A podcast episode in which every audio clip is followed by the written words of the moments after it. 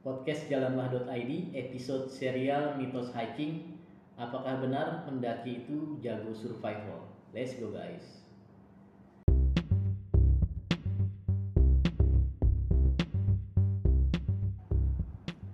Halo Saiflah, jumpa lagi di podcast jalanlah.id Kita kembali ke segmen ngobrolah. Balik lagi ke serial mitos hiking. Sekali lagi mitos tidak dalam arti mistik ya Mitos lebih ke, eh, ke arah anggapan orang awam Tentang dunia hiking atau hiker itu sendiri Nah kita sekarang eh, sampai di tema soal Apakah benar pendaki itu jago survival? Belum tentu walaupun eh, secara karakter kegiatannya menuntut kemampuan atau keterampilan untuk survive gitu. Nah bersama gue Ferdia, halo Cak. Masih joget kayak kemarin. Iya ya. Iya. Sambungan kemarin dong. Halo Ferdia. Hai.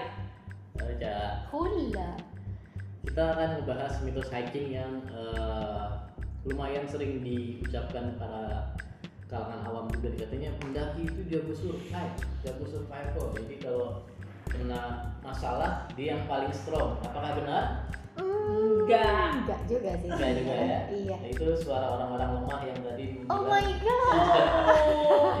nah, tapi kita jelasin dulu konteksnya. Konteksnya gini, jadi kan eh, kegiatan cinta alam atau kegiatan pendakian itu identik dengan kegiatan yang berat ya. Ada, ada berat dalam arti eh, apa? Fisik.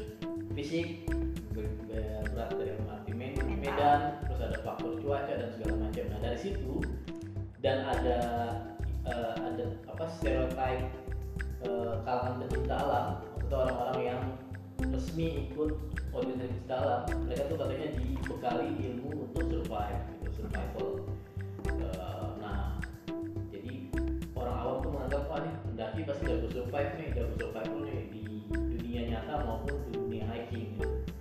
Nah apakah benar Eh, gimana Cak? menurut benar nggak Cak? Enggak sih. kenapa Eh, karena kan sebenarnya ada yang mendaki itu karena memang dia ikut ikutan. Hmm. Ada juga mendaki yang memang dia ikut satu organisasi resmi. Hmm. Kalau mungkin kalau dari yang organisasi resmi pasti diajarin dong Ya. basic-basic ya. Tapi kalau yang ikut-ikutan itu kan tergantung dengan siapa dia Hmm.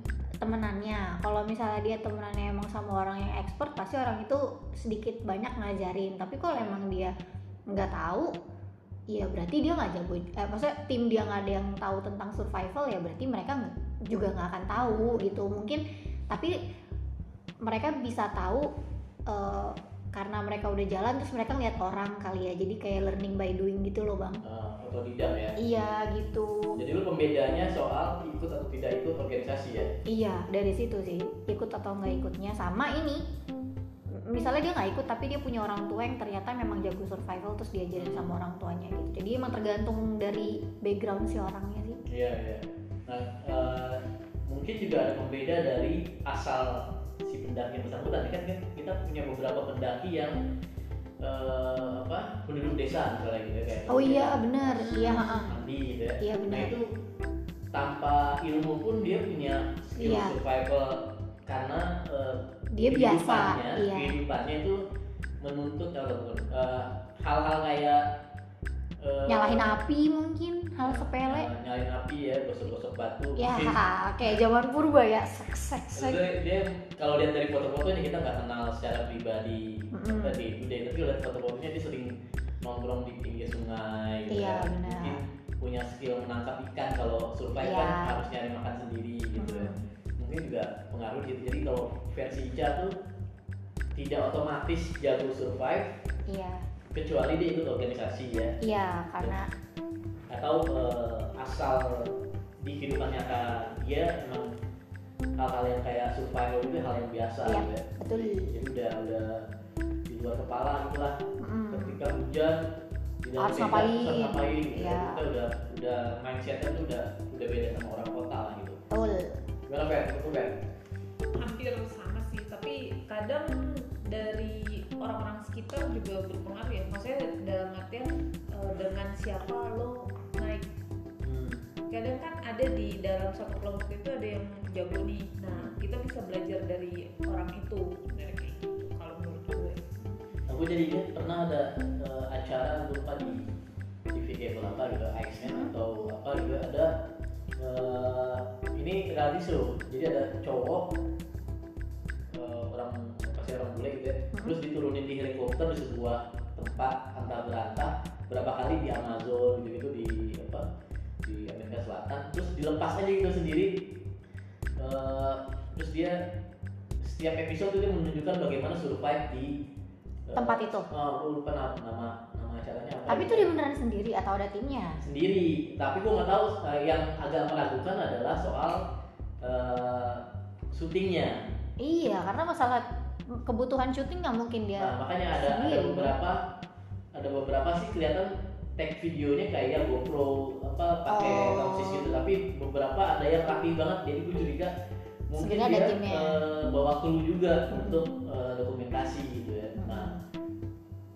kalau nggak salah si pemerannya atau si eh, apa karakternya itu backgroundnya marinir.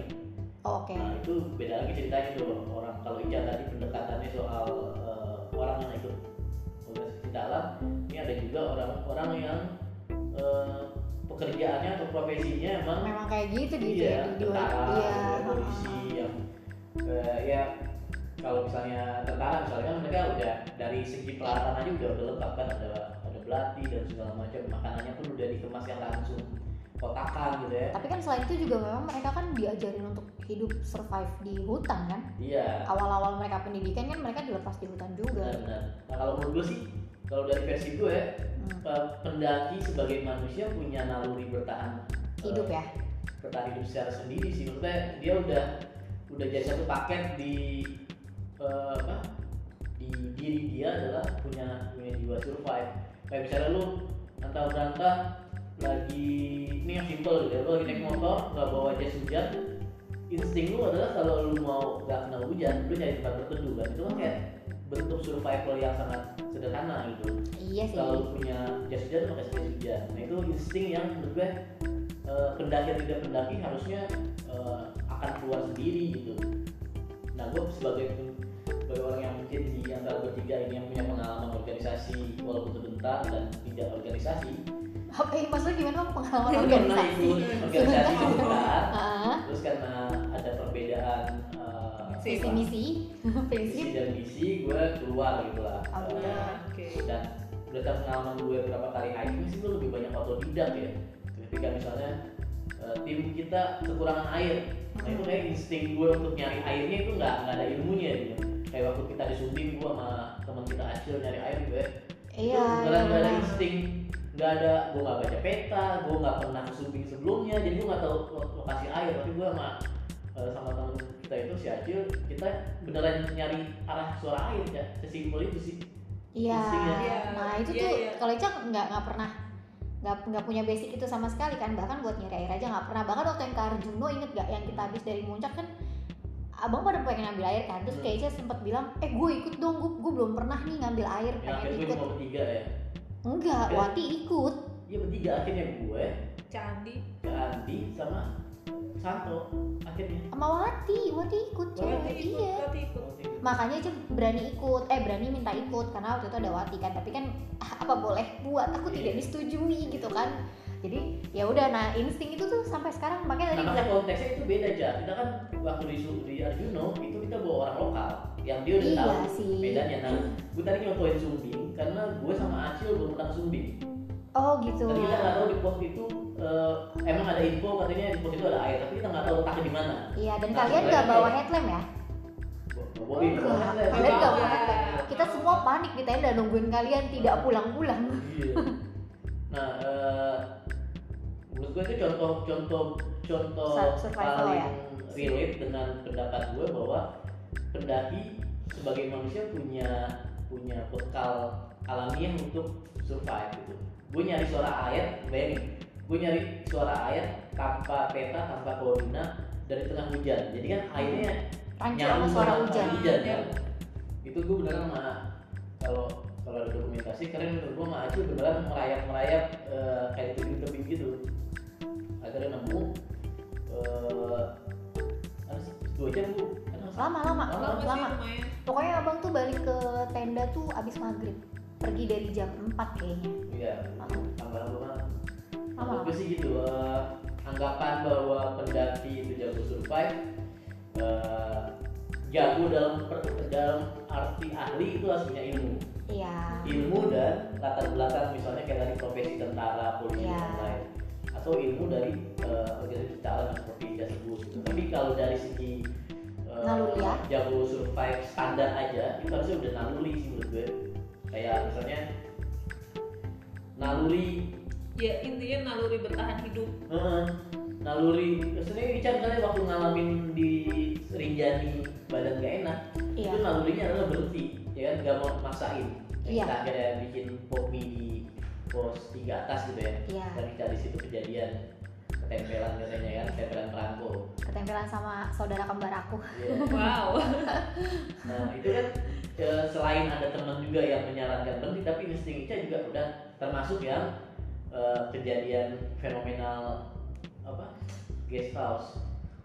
Oh Gede. iya. Ica kalau kalau gengsi atau Iya, iya, merasa gue udah nyampe sini ngapain gue naik oh jadi itu termasuk ini ya bang? Termasuk survival ya? itu survival. Juga karena kalau lu lanjut lu gak survive sesimpel itu sih sebenarnya.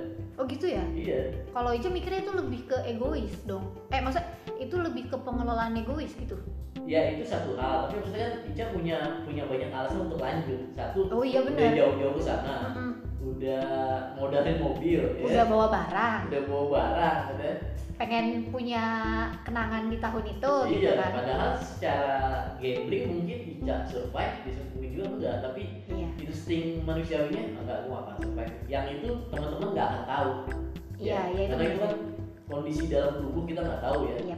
kecuali yang kayak di Rinjani ada petir semua ngeliat Ya, kalau itu kan itu kan lebih karena kondisi alam kan Hmm. bukan kondisi personal nah menurut gue sih eh, secara alamiah kita punya punya jiwa survival gitu. Yang itu bisa diaplikasikan di kehidupan nyata juga di non bergantian gitu. Tapi kalau yang ini loh bang kan kadang tuh di di, di, di kegiatan alam lah ya. Hmm. itu kan term- kalau yang tadi kita obrolin ini kan itu termasuk dari naluri untuk melindungi diri sendiri gitu ya kayak mengontrol diri gitu. Tapi kalau misalnya eh, lebih ke teknis gitu bang hmm, kayak kayaknya baca peta gitu Iya kayak baca peta, baca arah angin, terus kita nentuin mana sih ini utara kan karena kalau nggak menutup kemungkinan akan ada orang yang tersesat di hutan gitu dan Iya. dia akan bingung dong ini utara mana, barat mana, gue harus ke arah mana. Nah, gua- Lihat arah pohon. kalian punya pengalaman itu nggak tersesat Kita pernah sih, sekali. eh, kalau gue pernah gimana? Kita pernah sekali kak, bukan tersesat sih lebih tepatnya nggak nyampe nyampe, yang sumbing. Kalau kita berarti ada gue juga dong kan lu nggak ada Enggak, posisinya lu di atas. Ada yang kita juga. masih satu tim gitu Iya. Nah, oh gue nggak tahu pas lu Turun. mau puncak aja nih putih, Iya, kan abang pada lanjut puncak kan. Ah. Ica sama Kak Ferdi itu kan turun. ada simpangan gitu bang, jalan dari atas. Nah, Ica sama Kak Ferdi turun kan, posisinya di situ gerimis ya. Nah, itu tuh kita sepanjang jalan tuh kabut, Bang. Bener-bener ditutupin kabut, nggak dikasih lihat ke depan ya, Kak. Kita jalan udah lama nggak nyampe-nyampe. Nah, itu kalau gue sih ngerasain itu kayak apa ya? Bukan tersesat sih, enggak, tapi kayak kok nggak nyampe-nyampe padahal ini harusnya deket gitu. Nah. Nah, di situ karena itu basicnya jalannya satu jalur ya jadi nggak memerlukan arah mana utara mana barat kita harus jalur barat enggak Hmm. cuma lebih ke mindset aja pikir positif kita pasti bakal nyampe gitu kan tapi jalan terus waktu itu jalan terus Jalan, jalan. sampai akhirnya ada burung yang ngawal kita burung serius? Jadi kita ngikutin burung. iya emang Ah, tuh nih. gue juga berapa kali ngalamin. Ada ada kejadian ke- ada dua hewan yang sering gue temuin lebah sama burung. Lebah itu biasanya ganggu kita ketika kita istirahat. Artinya kita nggak kita boleh iya lama. nggak boleh lama. Burung itu kayak ngasih petunjuk kan? Iya. Nah, itu kayak nggak percaya sih sebenarnya. Menurut gue mungkin itu juga bantuan dari alam juga ya. Iya. Iya. Eh, jadi kadang-kadang benar sebenarnya kalian punya pilihan untuk berhenti waktu itu iya sih karena sadar gak punya ilmu navigasi nggak bisa baca map dan gak megang map juga. Karena enggak gini bang, kalau misalkan kita berhenti hujan. hujan, kita otomatis bakal kehujanan di situ. Oh, oh. nggak. bawa Ah. waktu itu nggak bawa. Raincoat bawa. Enggak bawa. enggak ya? Enggak, kita mau naik ke bawah. oh iya. Karena awalnya tuh terang, terang banget. hmm.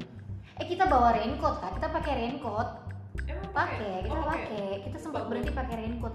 Cuma masalahnya di situ jalannya emang jalanan setapak semua gitu loh nggak Hmm. nggak ada saung atau apa untuk tempat berhenti. Hmm. jadi kayak kalau kita berhenti juga percuma yang ada kita malah makin dingin karena kondisinya hujan terus kita nggak bergerak kan. Kabut juga. Dan kita udah udah gerah keringetan jadi kita putusnya itu tetap jalan. Dan sialnya bang saat itu adalah langkahnya lebih dari empat. Maksudnya langkah kaki lebih dari empat.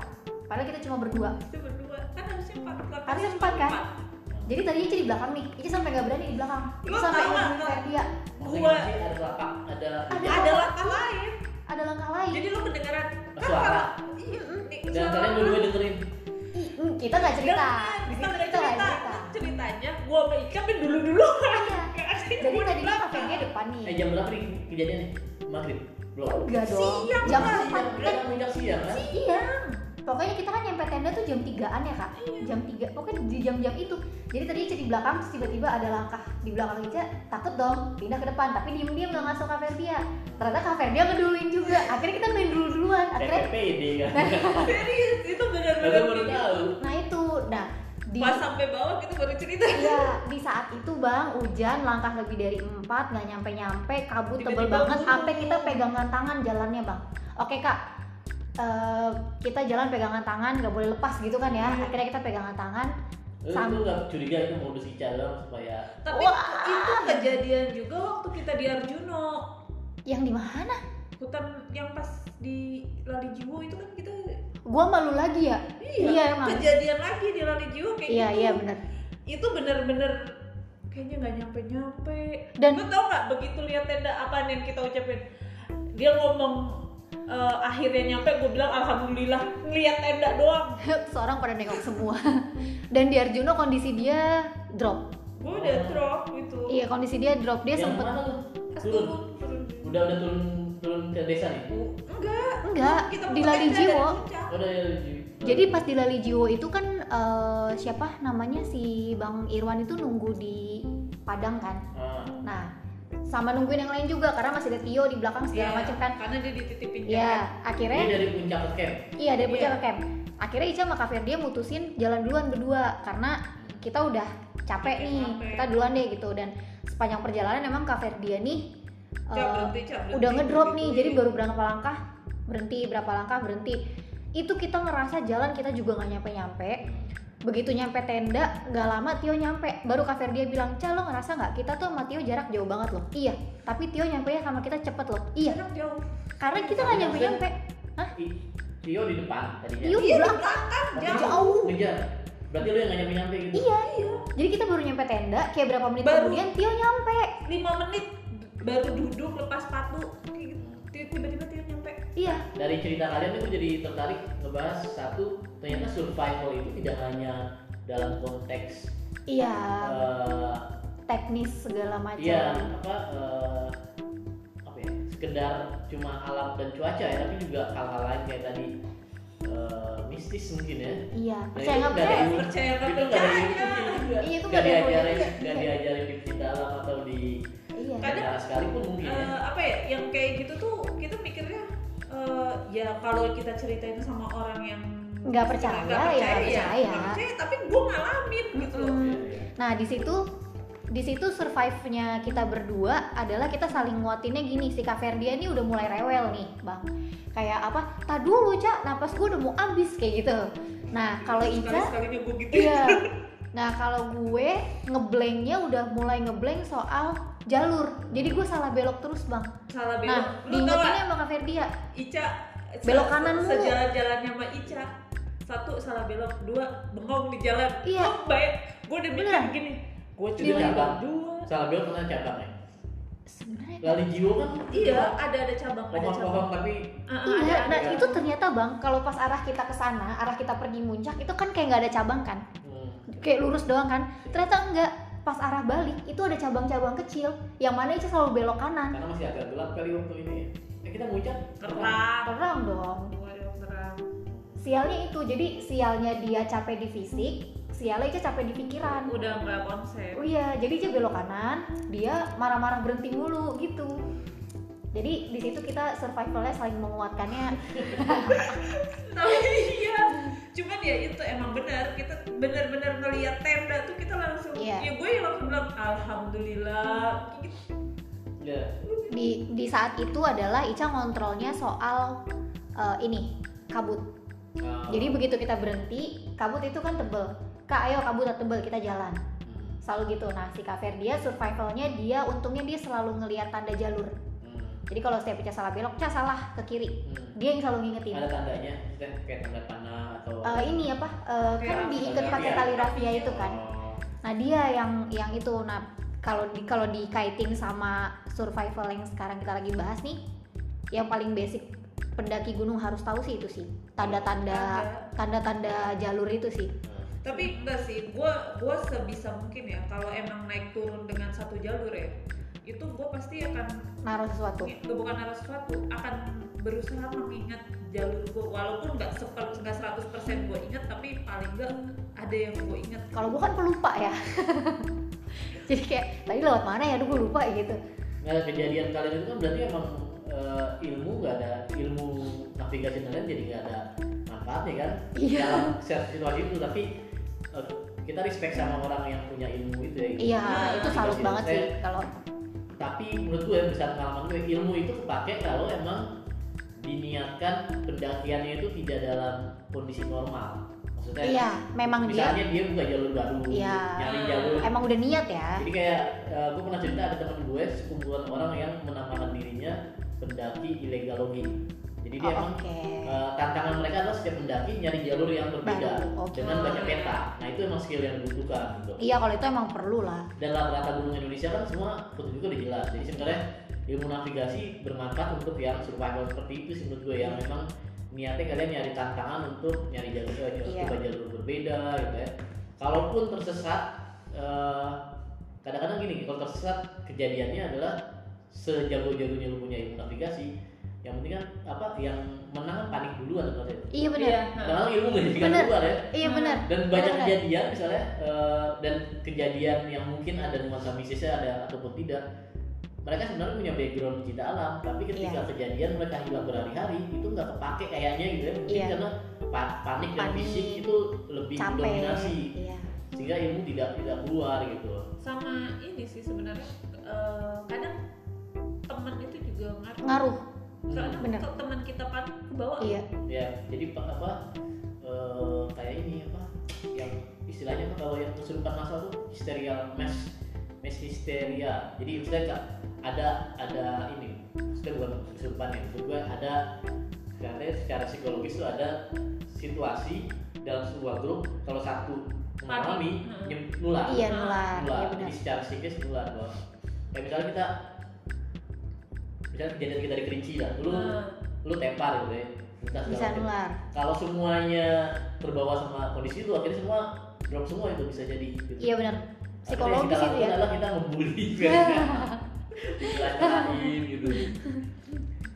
Nah, tapi eh, kalau pengalaman gue juga eh, insting survival walaupun gak punya ilmunya berguna juga ketika nolong orang. Kayak kejadian gue Iya. nolong orang di gunung gede. Yang patah kaki punya ya gak punya skill bagaimana menangani orang patah kaki. Ketika itu ada pendaki asal Tangerang. Yang sampai sekarang masih gue cari ininya apa eh, sosmednya sosmednya untuk update kondisi dia gimana gitu karena lumayan parah. Dia patah di tulang kering ah, fraktur apa. Terus eh, ya takdir baik dia adalah dia ketemu dokter pendaki dokter yang kebetulan fisioterapis gitu. Jadi nah tapi sebelum si dokter itu datang gue yang nangani sendirian tuh korbannya itu sakitan akhirnya insting gue adalah gue tutupinnya pakai blanket dulu thermal blanket Mm-mm, biar, biar kan kedinginan nggak ada ilmunya kan maksudnya gue Iya. beneran atau tidak bahwa gue pernah di eh, pernah ngeliat dan segala macam gitu kadang-kadang insting survival juga berguna ketika nolong orang Iya. gitu hmm. ah, justru Ica lebih tahu itu bang Hmm. lebih tahu cara nanganin kesehatan dibanding cara bertahan hidup di tengah hutan Hmm. dalam kasus Ica kan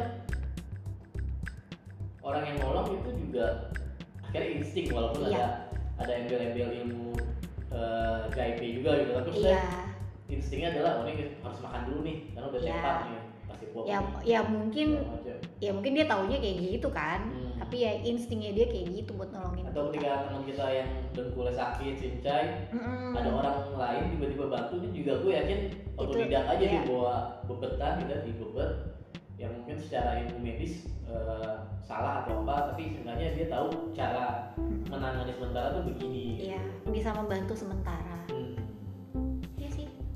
ya jadi menurutku sih eh, mitos bahwa mendaki itu jago survive eh, bisa iya bisa tidak tapi balik lagi secara basic manusia itu punya insting untuk survive sih diajarkan dari zaman orang apa manusia pertama mungkin eh, kalau kalian percaya Adam dan Hawa gitu mereka emang kan diturunin ke bumi setelah makan buah guldi disuruh survive yang dia nggak tahu itu Ada di mana? ada di mana. Nah, sementara kalau pendaki pun kalaupun dia baru naik gunung, semuanya udah udah dilengkapi dengan petunjuk jalan dan Hmm. segala macam lah pos, eh. terus ada ada jaga warnanya dan segala macam. Jadi sebenarnya eh, dengan tetap respect sama yang cinta alam, kalaupun kalian nggak punya ilmu itu harus punya insting untuk survive sih. Iya. Ya. Tapi alangkah baiknya tetap tahu sih Hmm. sedikit-sedikit. Iya. basic lah basic Iya, Dan basic. mendapatkan ilmu itu juga nggak harus ikut juga karena Iya. Eh, temen gue berapa kali temen gue anak Manadri berapa kali eh, bikin pelatihan yang suaminya ada itu Hmm. bikin pelatihan buat orang umum gitu untuk Hmm, eh, untuk survive. navigasi baca map survival gitu jadi sebenarnya nggak harus ikut kita juga kalau kalian nggak mau ikut yang gojlok-gojlokannya ya bisa Iya. ambil ilmu yang itu pelatihan-pelatihan yang eh, kayak apa yang formal gitu gitu Tapi sebenarnya se- secara teknis ya bang, kalau dari yang pernah Ica baca gitu, eh, survive yang paling menurut Ica aneh itu pas soal sinyal SOS. hmm. Mengingat struktur gunung di Indonesia kan ketutup kan, ah. Ya dapat ketutup rapet kan. Sedangkan kalau eh, bikin SOS itu kan katanya di Bikin- tempat terbuka. Ah, ah, di tempat terbuka ngumpulin eh, bikin api lah bikin api sampai apinya tuh ngepul ke atas gitu.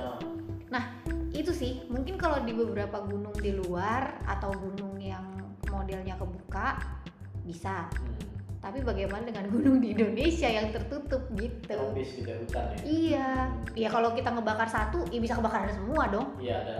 Mungkin ada ada triknya juga cara ngebakarnya dan lokasi ngebakarnya harus dipilih Mm-mm. juga sih. salah satunya kan ngegali tanah kan sebenarnya. Nah gue nggak tahu itu ilmunya. digali dulu tanahnya. Gali dulu. Mm-mm, jadi biar apinya tuh Oh jadi dia bikin kayak cekungan gitu. Iya, dia bikin cekungan Kayak biar apinya kayak nggak keluar-keluar gitu di situ. Cuma kan mengingat ya itu tadi struktur kita kita nggak tahu setinggi apa asapnya, kita nggak tahu setinggi apa pohonnya, jadi nggak tahu sebenarnya itu nanti akan nyampe apa enggak sih asapnya orang akan lihat kita apa enggak sih gitu. Kalau orang perokok atau vapor kan bisa bikin O. Kagak Oh, gimana ya? setinggi itu juga. Oh bikin es, cepat bikin es. Abang. Tapi secara praktek gue sih nggak yakin itu banyak dipakai Iya makanya. trik SOS dengan asap ya. Mm-mm, trik SOS dengan asap itu kayaknya juga enggak sih. Oh, kayak ini gue pernah kejadian sama Patan waktu yang gunung gede. Hmm. Kan gue nyasar tuh ya pas turun gunung Putri, nah, turun ke bawahnya sebelum sawah-sawah. Gue nyasar, gue bertiga, gue Patan Mila. Oh iya yang abang duluan yang malam-malam itu. Ah. Ya oke oke. ha. Itu yang ada kejadian eh, pohon pisang seperti pocong. Iya yang abang nyusulin kan. Iya ya. iya yang ada yang teriak-teriak akhirnya kan. Iya iya, benar. Nah itu gue nggak diajarin nggak diapain gitu ya, saya nggak ada ilmunya. Gue pakai center. Mhm. Jadi gue mengabarkan orang di seberang sana bahwa gue tersesat. Maksudnya komunikasi ini kan Oh akhirnya mereka lihat. mungkin teriak-teriak aja gue ngasih kode dia ngasih Iya. kode juga bahwa ini yang jalur yang bener maksudnya itu cuma cuma asumsi aja oh dia ngasih kode bahwa itu jalur yang bener gue salah jadi, jadi sama-sama center gitu Hmm. Iya benar benar benar benar. Tapi ada cerita mistis di balik itu. apa tuh Jadi sebelum nyampe di ladang eh di ladang itu sawah nggak ngerti lah ya di mana gitu. Kayak ada turunan tinggi, terus kita ngelihat abang kan waktu itu pakai baju kita samaan kan, yang hijau oh lihat Ijo. salah dikira bang Jack ya Iya hijau terang itu. Kita pakai baju itu kan waktu itu sama Ica pakai baju itu yang LPS. hijau Hmm. neon Iya hijau neon. Iya. Dari jauh itu baju itu ada bang. Jalan ke arah kita. Akhirnya kita nungguin berhenti semuanya. oh malah ke arah lu iya jadi kita mikirnya itu abang abang udah nyampe gitu ya? abang mau nyamperin jadi dari jauh tuh kelihatan baju hijau jauh banget jaraknya jauh banget bang Oh, itu kelihatan baju hijau itu ada kedip lampu wah. akhirnya kita nungguin di situ lama sekitar 10 menit dan akhirnya itu hilang Hmm. kita udah nungguin terus baru ngeh eh udah lama loh kok nggak ada sih oh yaudah jalan lagi yuk gitu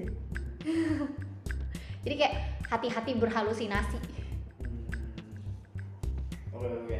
Jadi coba uh, mitos bahwa survive apa itu jago survive secara manusiawi harusnya punya emang punya insting survive. Tapi kalau kalian mau lebih uh, mantap silakan belajar menimba ilmunya, Mhm. bisa ikut dalam, bisa ikut tentara setelah itu resign. Niat banget ya. Nonton tentara- YouTube cukup kali bang Jadi tentara sampai jenderal, visi-visi dulu selesai. gue resign dari tentara mau jadi pendaki gunung gitu ya Motivasi mau jadi pendaki supaya nggak nyasar. iya mantap dikirim dulu ke timur tengah segala macem. Cuma bisa per- mau jadi bintang doang. Timur Tengah lu mau ngapain di Timur Tengah? ya siapa tahu ada pegunungan bagus.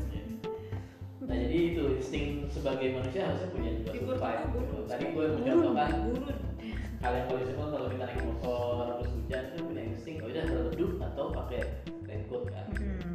nah saya bilang eh, itu aja pembahasan episode kali ini. Menurut kalian gimana? Silakan eh, komennya nanti di medsos aja ketika share kita share ketika kita share link Spotify ini karena Spotify nggak bisa komen oke oke Sampai ketemu di episode-episode berikutnya. Ciao, saudara. bye bye Bye.